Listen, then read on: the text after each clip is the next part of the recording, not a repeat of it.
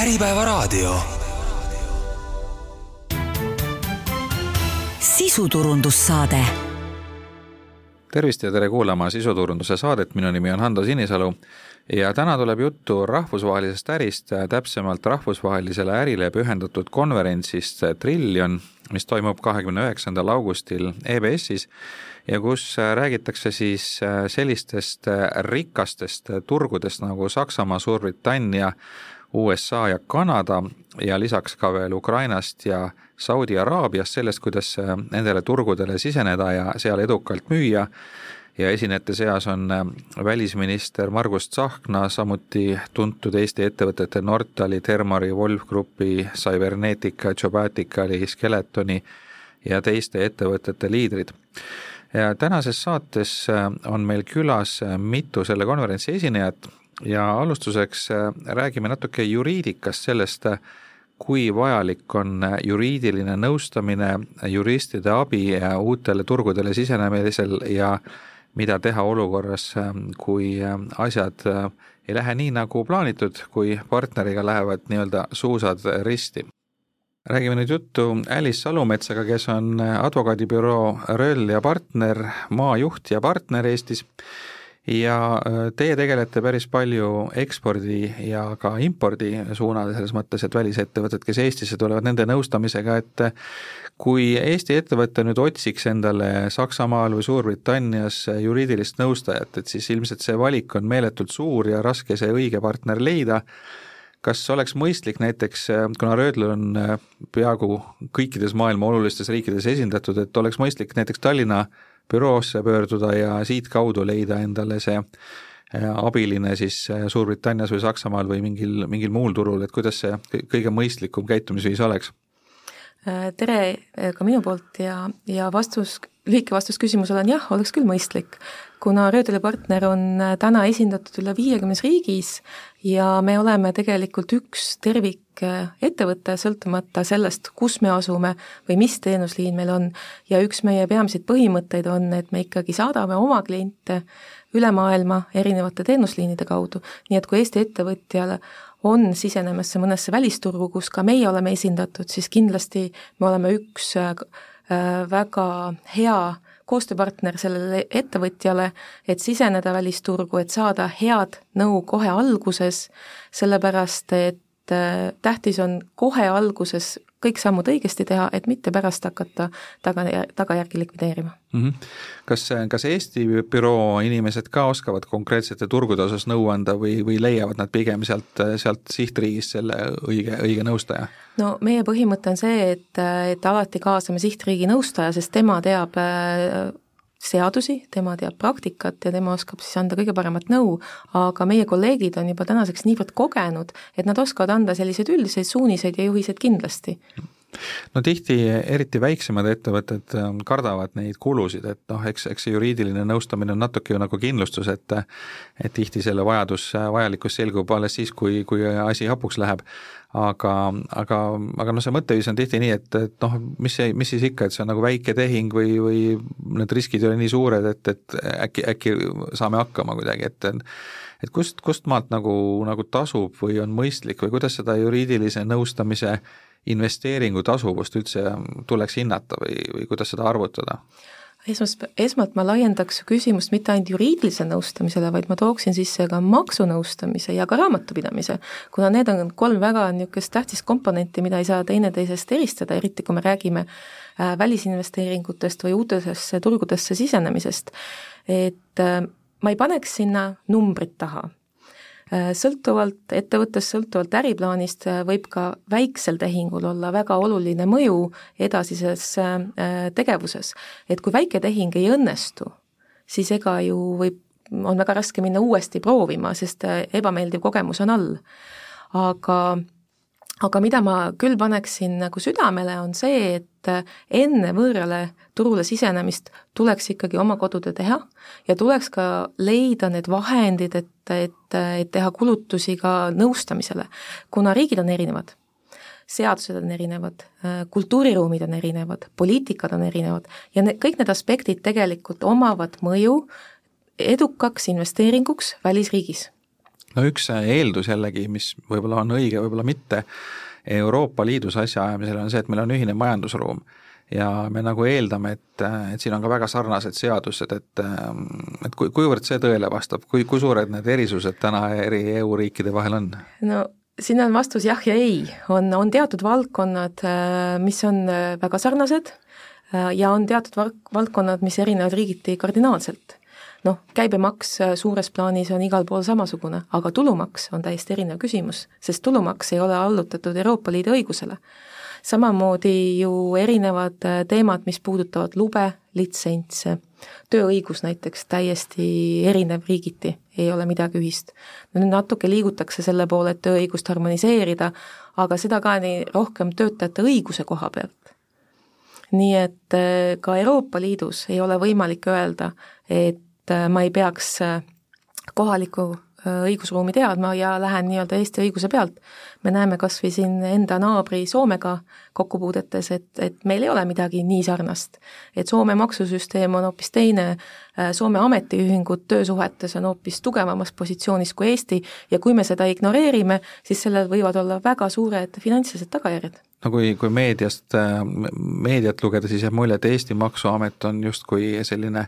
hea partner ja, ja nõustaja, aga väga paljude teiste riikide maksuametid on põhimõtteliselt ikkagi nagu rohkem politseile sarnased, et väga karmide jõuliste võtetega tegutsevad, et kas nüüd just politseile sarnased, aga kindlasti on maksusüsteemid erinevad ja ka ülesehitus on erinev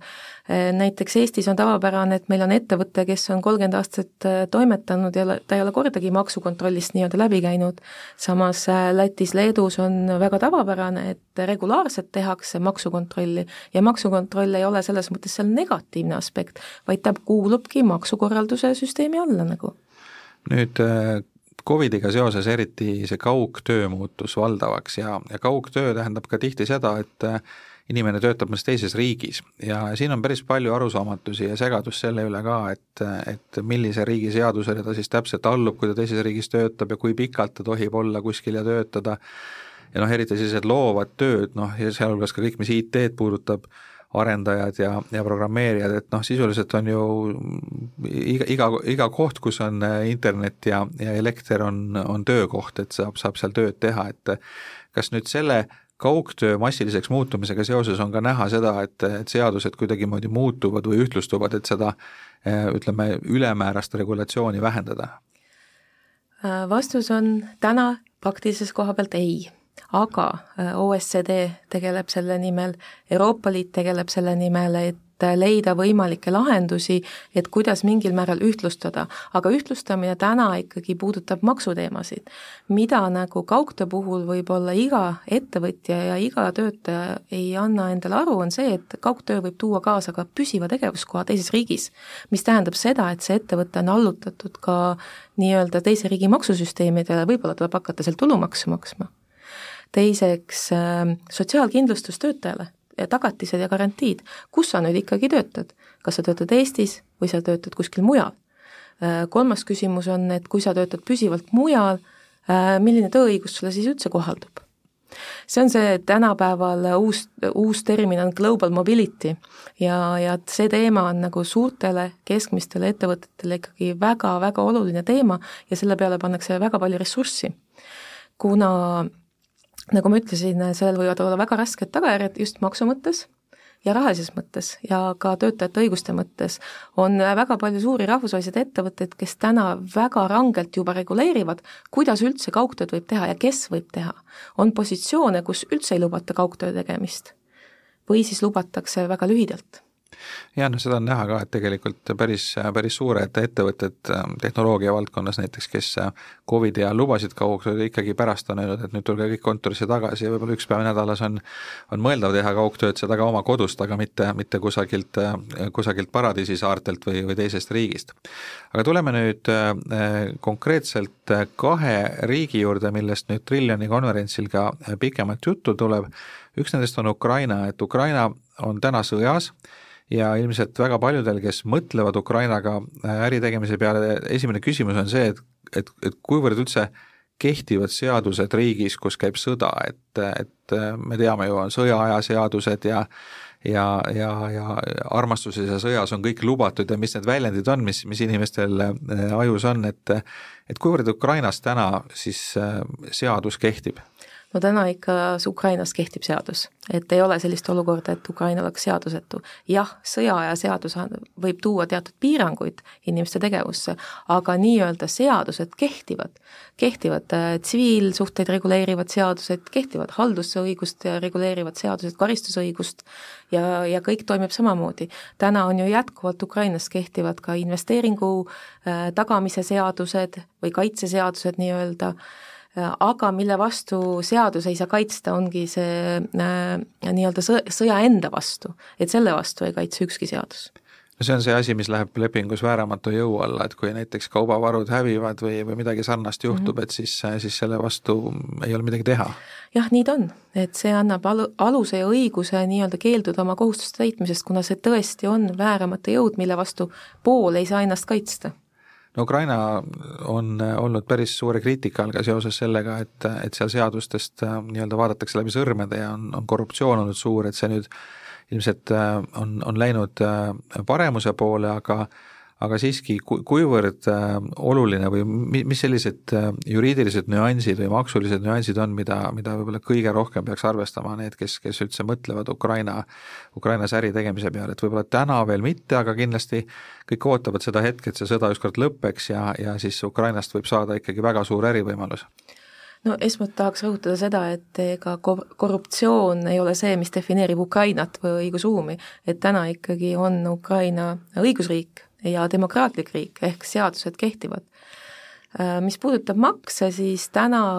ütleme, sõja tõttu on üks erimaks toodud äh, eraisikutele, ettevõtetele, see on siis nii-öelda sõjamaks,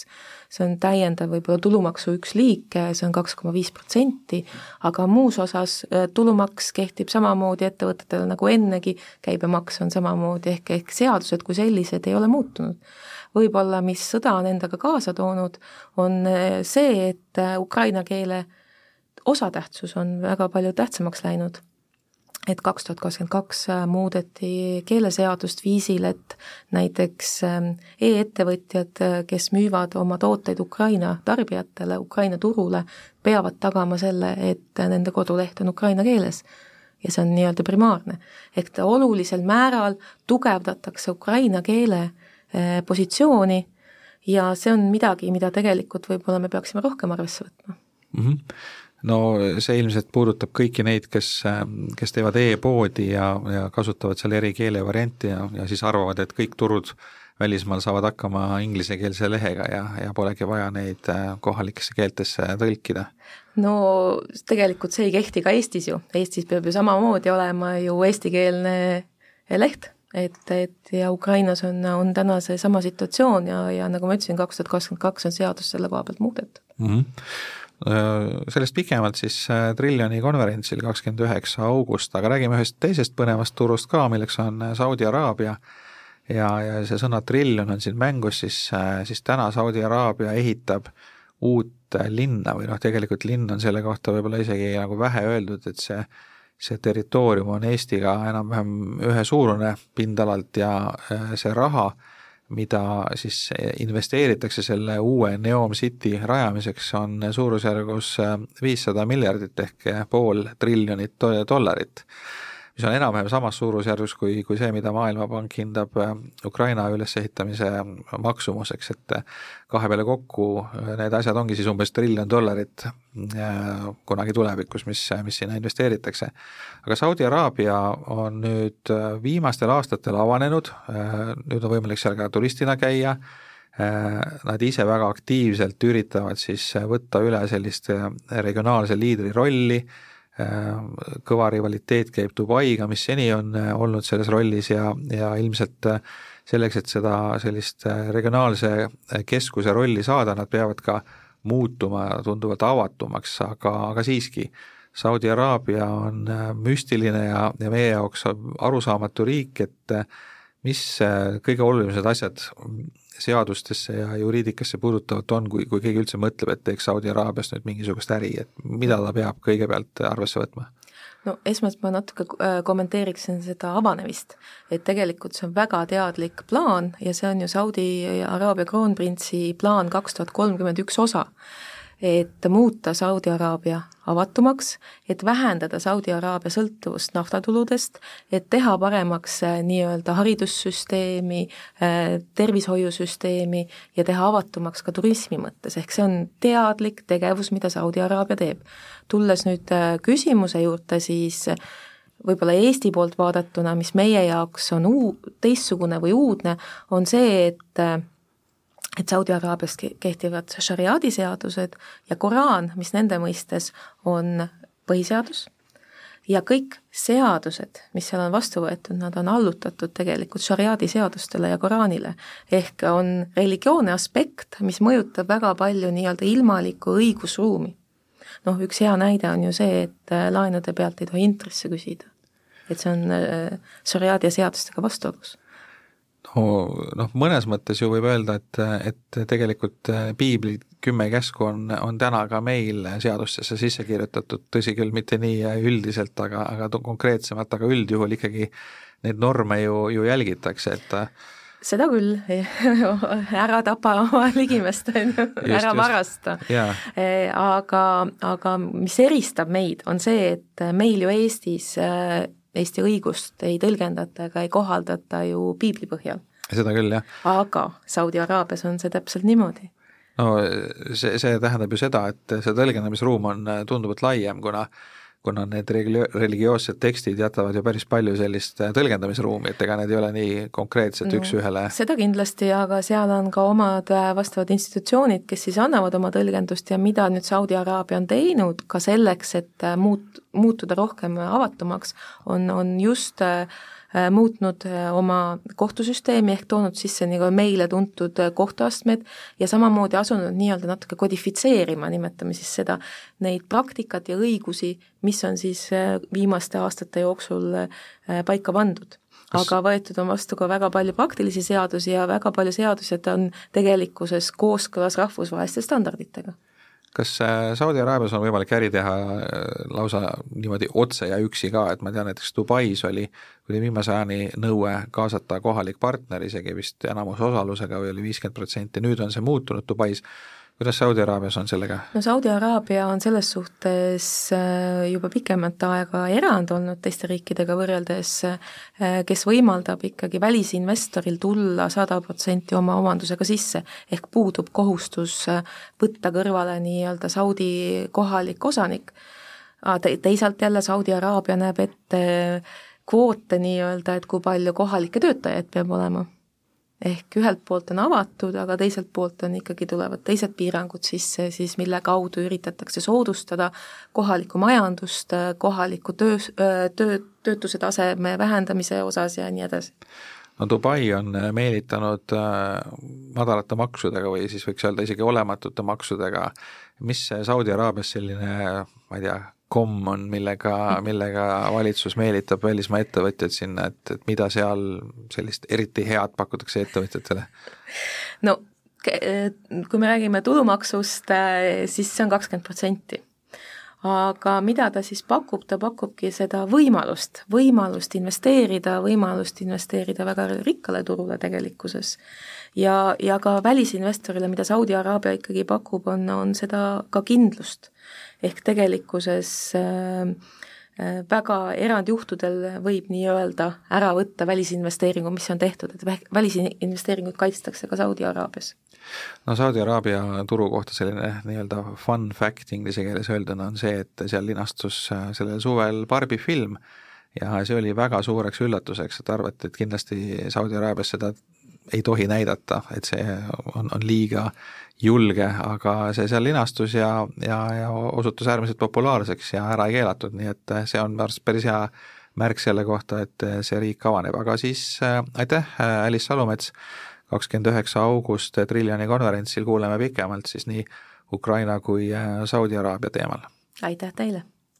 ja nüüd on meil ühendus Nürnbergiga, kus teisel pool liini Tiina Kivikes, kes on EAS-i ekspordiesindaja Saksamaal. kuidas Saksamaa kui Euroopa suurima majanduse tervis sinu hinnangul praegu on? sa tead võib-olla ehk seda väljendit ka Wirtschaftswunder, et Saksa Wirtschaftswunder või nii-öelda majandusime, et seda, sellest räägitakse lehtedes, et vaevalt, et kordub. noh, muidugi paneb see sakslasi väga-väga selle all kannatama nii-öelda, aga et majanduspoliitiline tegevusvajadus on tegelikult väga suur ja vana ärimudel ka, millest Eesti lehed on kirjutanud, et see, see tõesti, et see võis tunduda, et see töötab automaatselt, aga ei saa enam öelda, et see nii automaatselt töötab, mis aga tegelikult äh, viib mind selle mõtteni, et kui ta nüüd automaatselt ei tööta ja tundes kõiki sakslaseid juba siin, siin elades kakskümmend kolm aastat, rääkides ettevõtjatega, nii-öelda elades selles keskkonnas, siiski tundub mulle, et asi ikka nii hull ei ole, et Saksa majandus ikka kokku vast ei kuku. et siin tehakse uued seadused, uued suunad, kuhu investeerida ja nii edasi, et noh, põhjendaksin ka kohe, võtangi sellesama see kakskümmend kolm aastat, mis ma siin Saksamaal elanud olen. Et kui näiteks vaatame neid kriise, kust me kõik läbi oleme tulnud, et Äh, pankade globaalne kokkuvarisemine kaks tuhat kaheksa aastal, eks ole, siis millega kogu Euroopa Keskpank, aga, aga ka Saksamaa, millel oli tege-, millega me olime nii-öelda tegevuses, oli see Kreeka riigivõla tagasimaksmine või aitamine või toetamine kaks tuhat kaksteist aastal. Või siis hiljutine viiruselaine, mis meid kõiki tabas nii-öelda ja majandus, majandust mõjutanud tegelikult, kui võtta suuremalt, siis isegi võib-olla Eestis ei tuntud seda nii lähedalt, aga noh, Saksamaa räägib kolmest aastast Äh, siiski võib öelda, et minu meelest on Saksamaa nendest kriisidest relatiivselt valutult välja tulnud. et muidugi kannatas Saksamaa ka, aga mitte nii palju, kui vaadata riike eraldi, siis äh, mitte nii palju kui teised riigid. ja need väljatulekud olid kuidagi kergemad, just nimelt analüüsides seda viimast kahtekümmet aastat, et noh, on majanduse kasvukriis on pidurdunud, see on fakt aga samas peab teadma ka natukene suuremat pilti, et, et kui, kui lugeda lehti ja saada aru, et kuhu investeerivad hetkel praegu Saksamaa ettevõtted, siis, siis saab ju loogilise mõistusega aru, et need nii-öelda investeeringud tulevad kriisiga tagasi, et miks nad investeerivad siis välismaale hästi palju, on sellepärast, et et Saksamaal tõesti on ja bürokraatia mäed on tohutu kõrged ähm,, maksud on hästi kõrged, energiakriis tabas meid et kõik need või näiteks ka professionaalsete äh, oskustööliste puudus, millest räägitakse juba viimased kümme aastat. loomulikult paneb see mõtlema Saksa eksportööre, et kuhu, kuidas me nendest kriisidest välja tuleme ja see, seeläbi investeeritakse välismaal, aga need investeeringud tulevad kõik ringiga tagasi tänu sellele, et Saksa maksusüsteem on üles ehitatud sel meetodil, nagu ta on. sakslased maksavad praegu kõige rohkem makse, mis nad üldse on kunagi maksnud Ehm, kõik sellised noh, suured nii-öelda suured maailmapildid, kui sa tead, kuidas asjad, mehhanismid toimivad, siis selle põhjal ma saan tegelikult öelda, et Eesti eksportööridele minu meelest siiski ei ole mingit kriisi. Äh, nüüd äh, Saksamaaga äri ajades või suheldes, et äh, kui ma olen vestelnud Eesti ettevõtjatega, siis nad kurdavad ja tegelikult mul enda kogemus on ka see, et väga raske on on saada kontakti ja leida ka õige inimene üles, et et, et üldse nagu see esimene kontakt saada, et üldse sind ära kuulatakse, et, et kuidas, kuidas leida nüüd, oletame, et Eesti ettevõte soovib müüa Saksamaale, hakata müüma, eksportima. Kuidas ta leiab selle õige inimese, kellega ühendust võtta, kuidas saavutada see, et see inimene talle ka vastaks või, või reageeriks sellele tema kontaktivõtule mm.? et eh, ma saangi ette kujutada, et sa oledki Eesti ettevõtja ja ma nõustan sind nii-öelda, mis, mis on minu tegelikult igapäevane töö. no loomulikult müün ma kõigepealt enda teenust sulle, et kasuta ära minu, minupoolset teenust, ekspordipartneri otsingu teenust, kus ma teen sulle kõigepealt selle töö ära. Et lõpuks, kui see esimene kohtumine toimub, on juba see kontakt nii-öelda üles soojendatud. aga kui ma nüüd võtaksin nii, et ma ei kuula mind, vaid mõtlen ise, et kuidas oleks võimalik omadel jõududel pääseda sakslasele ligi nii, et, et ma saaksin selle esimese ukse lahti tehtud, et see on ka klassikaline ja seda peab teadma lihtsalt, et sakslane on väga suhtleja inimene. see tähendab, et tuleb minna sinna, kus sakslane suhtleb, need on eelkõige messid ja üritused, et tuleb käia äh, Saksamaal kohal, tuleb nendega rääkida ja siis viib juba üks tutvus teiseni. et ma saan, mul on kenasid näiteid tuua täiesti mitmeid, kus äh, olen inimesi, noh, meid, meid nimetatakse, meid ekspordinõunikeid tegelikult välisriikides nagu nii-öelda matchmaker iteks, et me viime inimesed kättpidi kokku nii, et nad saavad ise neid äh, ärisid omavahel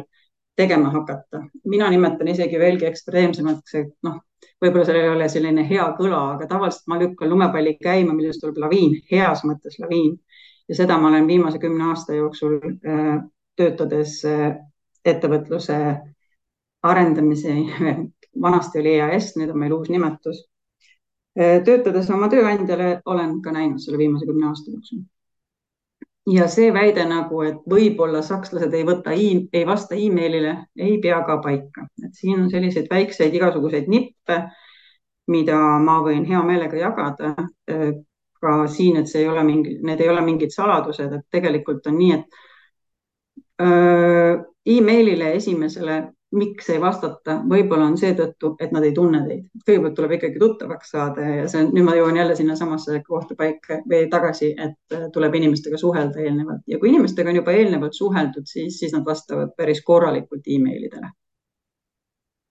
nüüd Saksamaa on, on, on suur ja, ja ka kultuuriliselt tegelikult päris mitmekesine. kui nüüd Eesti ettevõte hakkab mõtlema, et millisele, millisele Saksa liidumaale või millisele, millisesse linna üldse äh, hakata või kellega asju ajama, et, et kuidas seda valikut teha, et ma, ma olen aru saanud, et erinevused näiteks Baieri, mis on konservatiivne, rikas, äh, katoliiklik äh, ja näiteks äh, Ida-Saksamaa, ütleme siis Saksimaa, näiteks Leipzig ja Dresden, mis on Ida-Saksa luterliku taustaga ja, ja, ja tunduvalt vaesem kui Bayer. et need erinevused on päris suured, et, et, et kuidas nagu leida enda jaoks see õige, õige liidumaa, õige linn, õige koht Saksamaal mm.? See, see viib jälle mind sinna äh, nii-öelda punkti, mida sa küsisid minu käest juba ennem, et milliseid vigu teevad eestlased ennem kui nad sisenevad Saksamaale.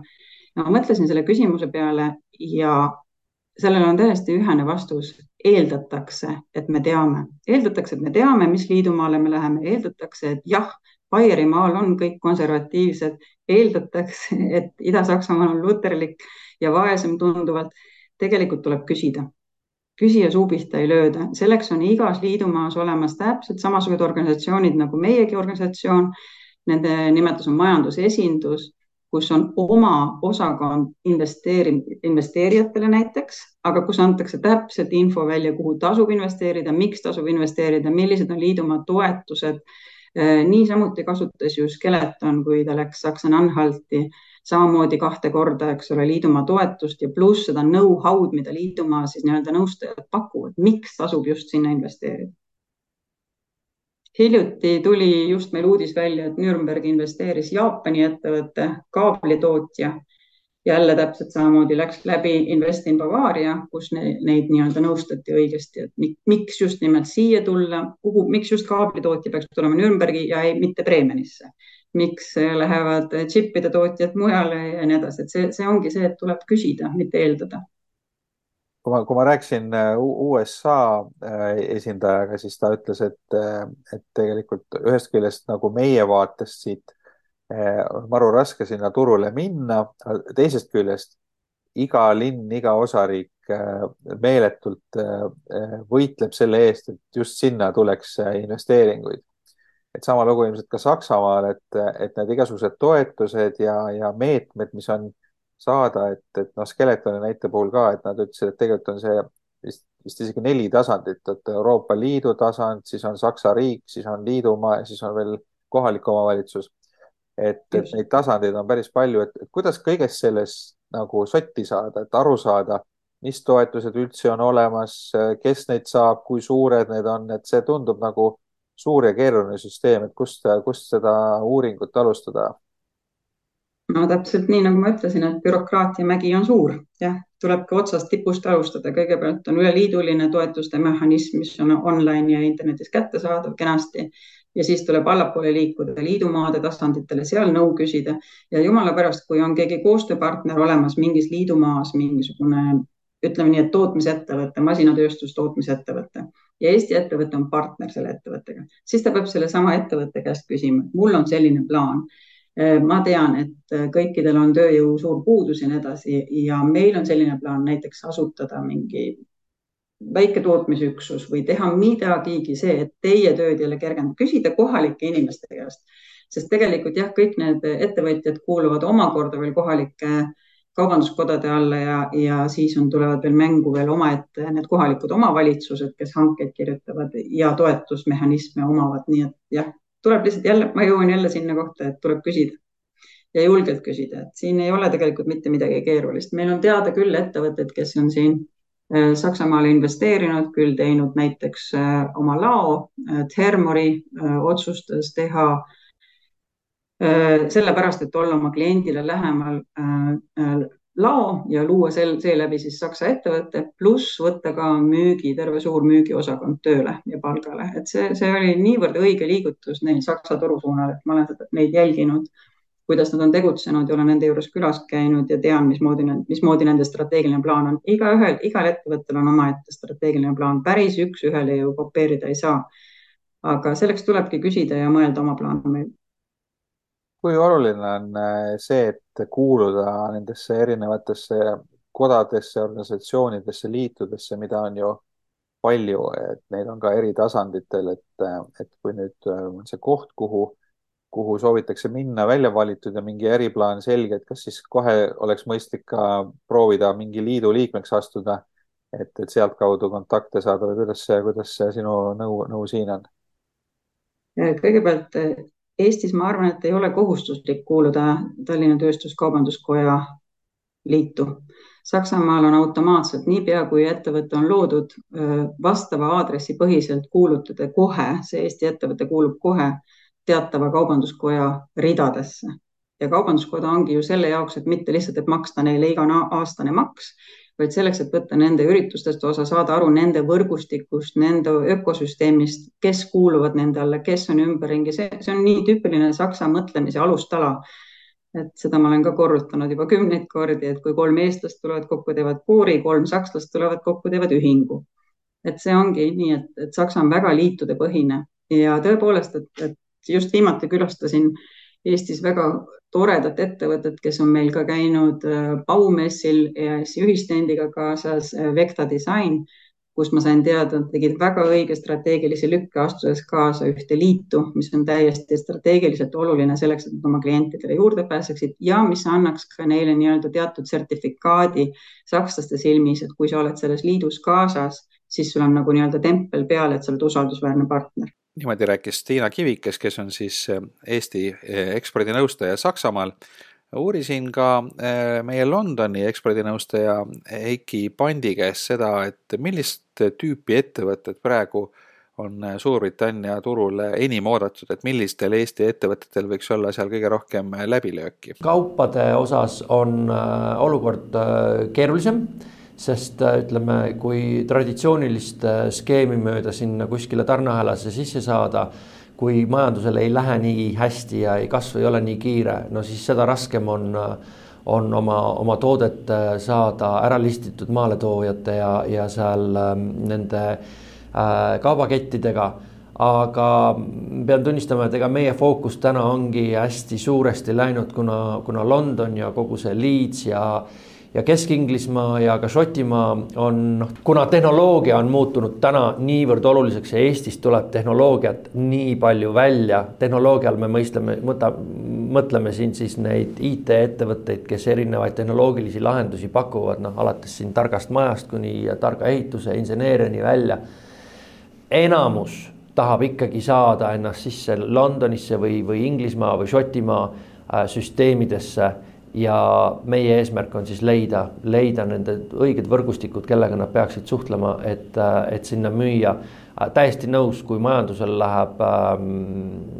keerulisemad ajad on, ega siis äh, mingi uue tootega turule tulla ongi raske et siis vaadatakse ka sage-, aga sageli võib see tekitada ka võimalust, äh, vaadatakse üle tootekategooriad, mis müüb, mis ei müü, nii et eks see ongi selline igikestev äh, igikestev ratas, mis ennast taas, ähm, taas nagu leiutab. jätkame saadet ja räägime rahvusvahelisest ärist seoses rahvusvahelise ärikonverentsiga Trillion, mis toimub siis kahekümne üheksandal augustil.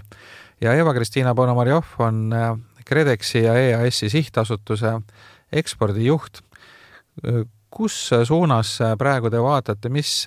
sellised prioriteetsed sihtturud Eesti jaoks, et ma olen Vietnamist kuulnud, aga, aga mis veel? Me oleme tagasi nüüd ka USA-s, nii et meil on värskelt New Yorgis ekspordinõunik, kes tuleb ka kohale konverentsile. jaa, ma rääkisin temaga juttu, et tal on selles mõttes väga huvitav taust, et ta on aidanud äh, varem Skandinaavia ettevõtteid USA turule, et selles mõttes on päris huvitav kogemus, et äh, kas seda Soome ja Rootsi ja teiste Skandinaavia ettevõtete kogemust saab ka, ka Eesti ettevõtetele üle kanda, et äh, kindlasti saab, et mida rohkem me vaatame ka seda põhimõtet, kuidas me kaugturgudel toimetame, siis me, meie jaoks benchmark on alati Põhjala ja kus me saame koostööd teha, seal me kindlasti teeme ja Silve puhul ongi selline suurepärane võimalus, et tal on see pagas juba olemas, nii et selles mõttes parimat praktikat võtab Silme ka Eesti ettevõtjate nõustamiseks kaasa mm. -hmm kas USA turule minekuks on ka mingeid erilisi soodustusi või noh,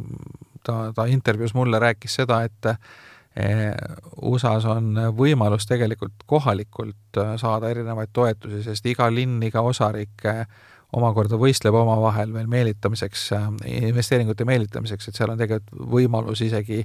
täiesti arvestatavaid meetmeid või maksuvabastusi saada, aga kas kas Eesti poolt ka on nüüd spetsiifiliselt USA turgu vaadates mingisuguseid äh, ma ei tea, soodustusi, eelistusi,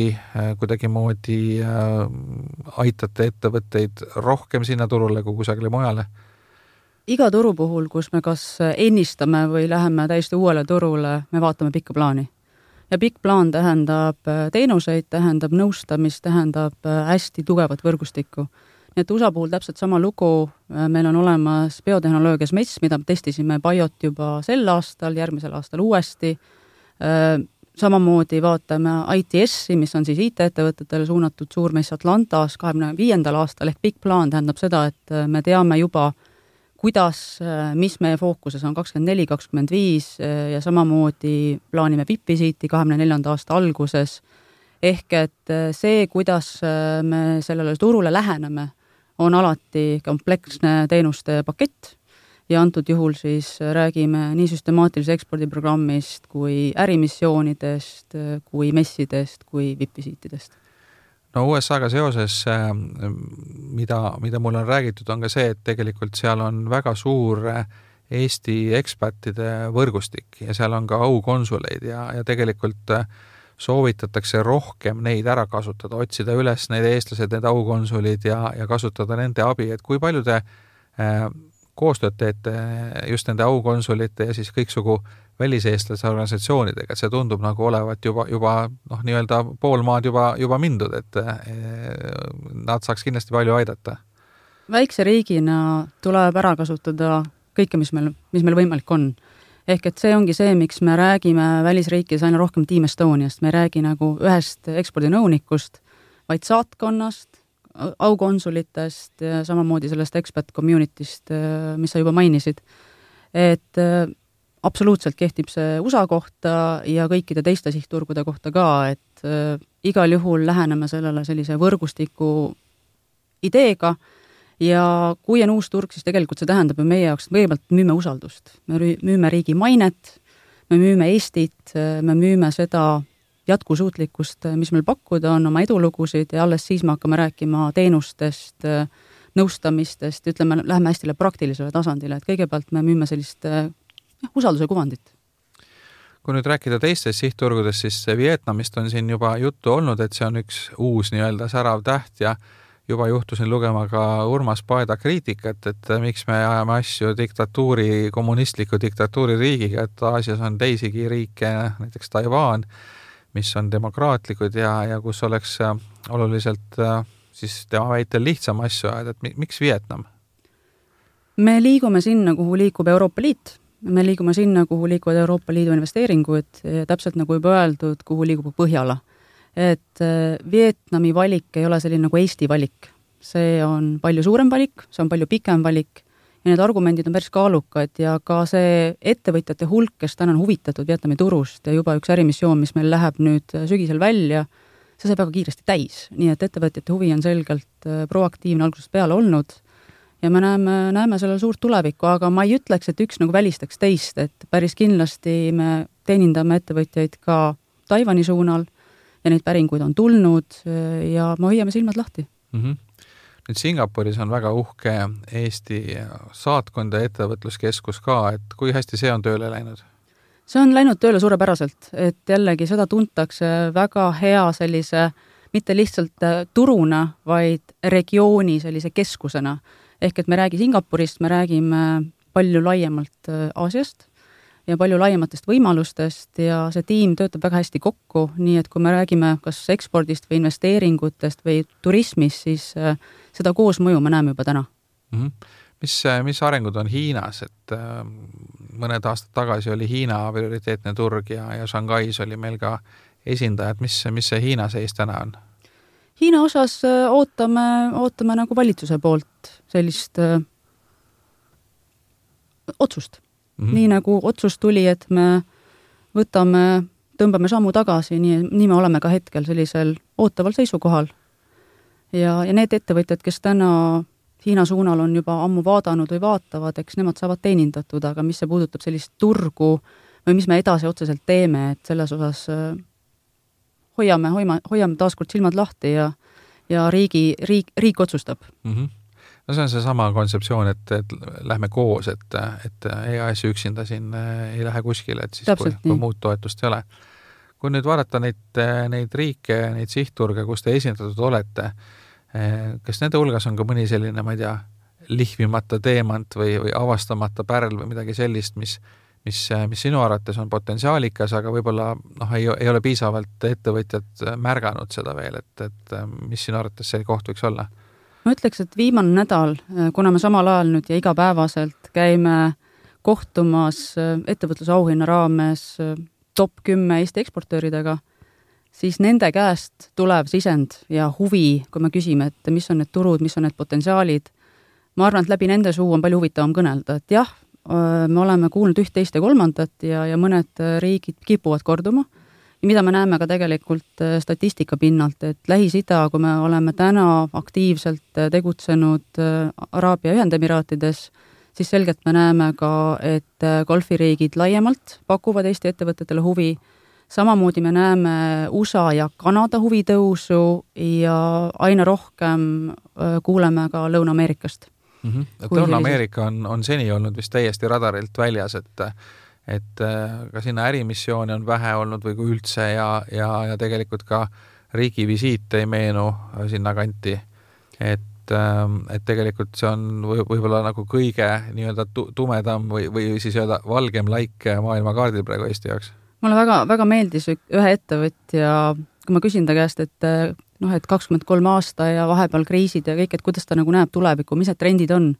ja kuna tegemist on suure eksportööriga, siis ta minu arust ütles väga õigesti, et mida volatiilsem on maailm, seda rohkem tuleb vaadata, et neid mune ühte korvi ei paneks. nii et kui enne me rääkisime võib-olla kolmest-neljast turust, siis nüüd me peame diferentseerima, mõtlema, nägema laiemalt, vaatama majandustrende, inflatsiooni, majanduskasvu, keskklassi stabiilsust, nii edasi, et seal on nii palju elemente ja tänu sellele ka tekivadki need uued, uued turud ja uued testturud kus siis minnakse rinda pistma teistega. Nojah, see Rootsi on selles mõttes natukene võib-olla hoiatav näide, et, et vähemalt mõned suured, suurte pankade analüütikud on öelnud, et see ärimudel, et ostame odavalt Venemaalt toorainet, töötleme ümber ja müüme Rootsi, et see mudel mõlemast otsast on nüüd kärisenud, et Venemaalt me ei osta praegu enam midagi ja Rootsi jällegi on raskustes enda äh, enda majandusega ja, ja seal äh, nõudlus on vähenenud, et, et seega see, see nii-öelda näide, hoiatav näide, et äh, liigselt ühele turule keskenduda meil tegelikult on täna juba nagu käes. ja noh, kärisenud on see, et me enam ei müü hinda, me enam tegelikult ei müü toodet ega teenust, me müüme väärtust, müüme kogemust, müüme koostööd, me müüme nagu väärtusahela põhisust et väga palju on, on eksport täna muutunud ja ma arvan, et ka oma, oma osakonnaga, oma tegevustega me tahame olla äh, proaktiivsemad ja progressiivsemad ja kliendikesksemad sellel teekonnal, et, et ka meie ei seisa paigal. Ja, ja seesama ettevõtetega pige-, pigev, pidev selline põrgatamine paneb meid täpselt samamoodi mõtlema, et kuidas teisiti, kuidas me turgudel oleme ja millisel moel me saame just nagu tänases maailmas ettevõtjaid kõige paremini aidata. No praegu te suhtlete edukate eksportivate ettevõtetega, et noh, tehnoloogia on selline noh, ilmne, et Eesti on tuntud tehnoloogia poolest ja, ja seda on ka selles mõttes suhteliselt lihtsam eksportida, et see pole nagu midagi füüsilist, seda pole vaja laevadega vedada üle ookeani kuhugile. aga kui jätta see kõrvale, mõelda nende füüsiliste kaupade ja toodete peale, et, et mis, mis sinu jaoks on olnud võib-olla sellised huvitavad avastused või üllatused nendest kohtumistest, et mis sektoritest selliseid põnevaid asju on, mis just viimasel ajal on, on nagu edu näidanud? Mm, jah, ka nendega on kohtumisi olnud ja, ja just viimaste päevadel ju, juures ja mida me nagu näeme seal ka, et samamoodi katsutakse nagu nii-öelda need tooted kergemaks muuta, isegi kui me räägime tööstusest. et kuidas olla kergemad, kuidas olla paindlikumad, kuidas nagu toote nii-öelda saatmise asemel mõeldakse nagu läbi sellist äh, IKEA meetodit. Et äh, teatud jupid, teatud äh, laod maailma erinevates nurkades ja kuidas sellisel juhul saab nagu kokku hoida ja nagu kergendada seda kogu eksporditeekonda. nii et, et ma arvan, et siin ei ole tegelikult isegi enam vahet, kas sa oled nii-öelda traditsiooniliselt konservatiivses äh, sektoris või, või sellises väga moodsas ja progressiivses IT-sektoris, millest pidevalt räägitakse, et kui lihtne ja sa võid olla justkui igal pool ja born global ja kõike see, mis sinna juurde käib, ega tööstusettevõtetel on tegelikult sama teekond ees. mõelda, kuidas olla kiirem, mõelda, kuidas olla agiilsem, mõelda, kuidas olla targem. Ja tegelikult seda juba müüakse, et, et toode on lihtsalt üks osa sellest, et on küsimus, mida suudetakse veel müüa. Sa rääkisid enne pikast plaanist, et, et võib-olla teeks väikse ülevaate selle kohta, et mis Äh, järgmisel aastal, kakskümmend neli siis, äh, sellist põnevat on, äh, mida võib-olla täna veel ettevõtjad, kes huvi tunnevad, saavad nii-öelda paati hüpata ja kaasa tulla, et kuhu, kuhu teil minekud on ja, ja, ja mis, mis toimumas on? me oleme kindlasti aktiivsed kõikidel oma turgudel, kus me, kus me täna oleme aastal kakskümmend neli, aga veel enne, kui me kahekümne neljandasse aastasse jõuame, jällegi midagi, mis tuli välja viimastest kohtumistest, on on see, kui vähe jätkuvalt Aasiat, Aasiat tuntakse ja seda potentsiaali, nii et Big in Asia on meil üks selline konverents just nendele eksportööridele, kes vaatavad hästi praktiliselt Aasia suunas. See on nüüd detsembri esimesel nädalal ja järgmise aasta algusest alustamegi VIP-visiitidega, jällegi taaskord erinevate ärimissioonidega, juba, juba mainitud Lähis-Idas on plaanis päris mitu ärimissiooni, samamoodi Aasias, aga ka Euro Euroopa puhul fookuses jätkuvalt on Saksamaa. Jätkuvalt vaatame, vaatame, kuidas me saame kasutada kõiki neid võimalusi ära, sest see turg ei kao kuhugi, et jah, me oleme jällegi meediast näinud seda, kuidas, kuidas justkui Saksamaa on kaputt ja kõik igasugused sellised äh, väljendid käivad läbi, aga, aga tegelikult see, see majandus ei seisa seal üldse paigal. ja kui vaadata, vaadata, mis, mida noh, mida andmed ütlevad, siis äh, pigem ollakse kasvutrajektooril, et ei olda üldse mitte miinuses. nii et äh, Saksamaa pole kuhugi kadunud, mida me kuidagi, mida ka ettevõtja täna hakkab avastama, on võib-olla turud, mida, mille peale vähem on mõeldud, näiteks nagu Poola. UK, kuigi enam mitte osa Euroopast, jällegi meil on hästi tugev Team Estonia, mida jällegi konverentsil saab kindlasti pikemalt kuulata meie ekspordinõuniku edulugusid ja, ja häid näiteid, kus, kus ja mida toimuma hakkab, aga kindlasti oleme, oleme fokusseeritud nii Euroopas kui, kui väljaspool. Äh, palju messe on tulemas, nii nagu igal aastal, äh, võib-olla mida me tunneme, mida on rohkem just puhtalt nõudluse järgi, on kaitsetööstus on kindlasti aktiivsem kui kunagi varem, meremajandus on palju laiem, et kui me näeme näiteks sedasama mm, äh, Kore-, Korea puhul on väga hea edulugu olnudki Seijin Industries, kes on ostnud siis Eesti, Eesti tooteid läbi siis mere, meremajanduse, selle marine industry, siis samamoodi näeme toiduainete tööstuses, Gulf Food on väga ehe näide, Dubai, Dubais olev mess, kus me oleme juba kolm toiduinnovatsiooni auhinda saanud, mis näitab seda, et, et Eesti selline toiduinnovatsioon on tõusuteel, ehk et neid näiteid on päris mitmeid mm. -hmm pikemalt sellest siis kuulete kahekümne üheksandal augustil toimuval rahvusvahelise ärikonverentsil Trillion, et trillion.ee siis on see veebileht, kus ennast saab kirja panna. aitäh, Eva-Kristiina Panomarjov!